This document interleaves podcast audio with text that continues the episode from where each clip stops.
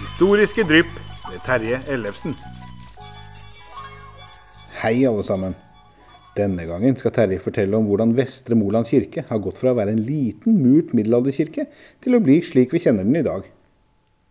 Vestre Moland kirkes merkverdige sørvegg. I 1800 reiste en engelsk tegner rundt i landet og tegna skisser til ei bok, bl.a. av Vestre Moland kirke. Akkurat eh, de skissene ble ikke publisert, men en av de viser noe interessant med den gamle steinkirka. Første gang vi hører om selve kirka på Vestre Moland, er ikke før etter reformasjonen. Men kirkesognet Moland nevnes flere ganger i middelalderdokumenter. Et tidlig eksempel er et brev om inntekter fra kirkeeide gårder, skrevet i Stavanger 13.12.1347. Der kan vi lese om gården Eikeland, som ligger i Modgolander kirkjosogn. Altså gården Eigeland, som ligger i Moland kirkesogn.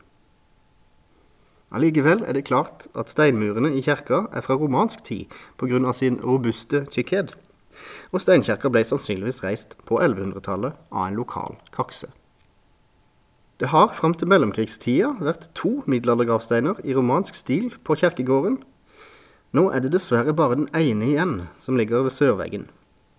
Kan den være et gravminne over en person fra samme slekt, eller kanskje til og med samme person som fikk reist kirka? Vi vet ikke.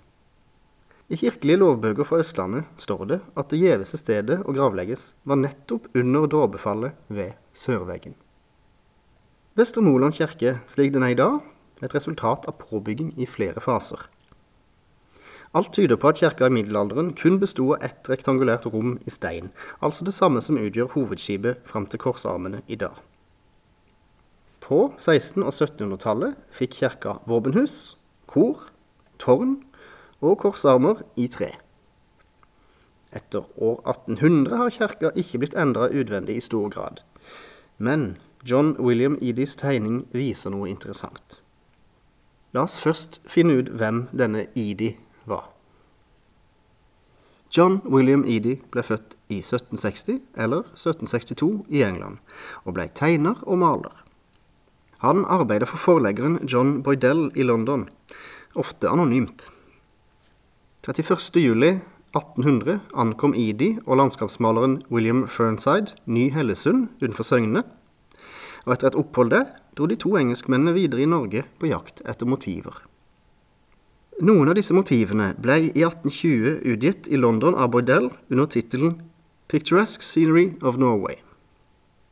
Samme år døde Edie, men verket ble i 1910 gjenutgitt på norsk av historikeren Ole Andreas Øverland som det gamle Norge i bilder og tekst. Fra vår landsdel kommer det med bilder fra bl.a. Ny-Hellesund, Kristiansand, Landvig og Arendal, men ikke noe fra nåværende Lillesand kommune. Allikevel vet vi godt at de var innom, fordi hovedfartsåren på land, Kongeveien eller Vestlandske hovedvei, gikk opp Tovdalselva til Birkenes, så ned forbi Tveide til Møglestu, deretter østover mot Landvik. Og på Møglestu var det skysstasjon, der Edie og Fernside har tatt seg en pause. Det vet vi for sikkert fordi det eksisterer to blyantskisser av Vestre Moland kirke fra 1800. Tegna fra to forskjellige vinkler. Den ene tegninga er utgangspunktet for denne podkastepisoden. Men la oss ta en liten kikk på Vestermoland kirke. På sørveggen har murdelen av kirka to oppmurte støtter. Akkurat når de ble murt opp, det er uvisst. Her må man resonnere. Grunnen til at de har støtta opp veggen der, henger nok sammen med to faktorer. For det første at sørveggen, i motsetning til nordveggen, har vinduer. Og for det andre at når de bygde ut kirka mot øst og vest, så har de revet deler av kortveggene. Det har påvirka stabiliteten negativt. Som Idis blyantskisse viser, var middelaldervinduene små glugger. Slik var det som regel i romansk tid. De såkalte kistemurene besto av to grovt tilhogde yttermurer med masse mindre stein og fyllmasse inni. Det var derfor vanskelig å lage store åpninger uten å redusere stabiliteten. Kunsten å bygge tynne, høye murer som kunne ha større vindusflater, kommer i den gotiske perioden, og da helst i større bygg. Da man på et eller annet tidspunkt reiv større åpninger i sørveggen for å få plass til de store vinduene som står der i dag, så svekker det veggens soliditet ytterligere. Men når ble altså denne muren støtta opp? Uten Idis skisse ville det vært naturlig å anta at støttene på sørveggen tilhørte perioden da de satte inn større vinduer. Men siden han viser med sin tegning at kirka i 1800 fortsatt hadde små vinduer, så må vi skyve støttene bakover i tid. På ei gammel kollektskål er kirka malt i 1664 av en Lauritz Lauritzen. Den var da fortsatt i sin opprinnelige middelalderske form. Det lille maleriet er grovt utført og med få detaljer, men det ser ikke ut til å være noen støtter langs murveggen. Dermed får vi anta at sørveggen ble forsterka en gang mellom 1664 og 1800. Det passer godt overens med at det var nettopp i denne perioden at kirka gjennomgikk de største endringene, både inne og ute. John William Edis skisse viser at kirka i 1800 fortsatt hadde små vinduer, som sagt. Svaret må ligge i 1800-tallets første halvdel. De små vinduene er ikke kjent fra noen fotografier. DS Sundtoft skrev kirkas historie. Hva sier han? Jo, bare få år før engelskmennene var med kirka, ble det gjort endringer i murveggen. Ifølge årsberetninga for 1797 ble vinduene gjort én av to fot høyere.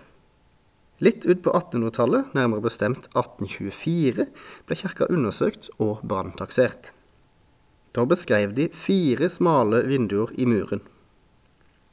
Jakob Fridriksen, en aktiv herre som var sogneprest i Vestermoland i perioden 1829 62, de fleste av de åra òg som prost, skriver i sine analer følgende. I Vestermolands kirke er nye store vinduer innsatte, hvilke har gjort den lysere. Dette var i 1846. Samme års regnskap bekrefter utsagnet, og det er de samme vinduene som fortsatt står i kirka. Hvis en skulle lure på hvem som sto bak jobben, så skal man undersøke vindusrudene over Søndre Sideskips galleri. Der har nemlig glassmester Peter Aanensen Jamvold fra Landvig rissa inn årstall og navn i glasset.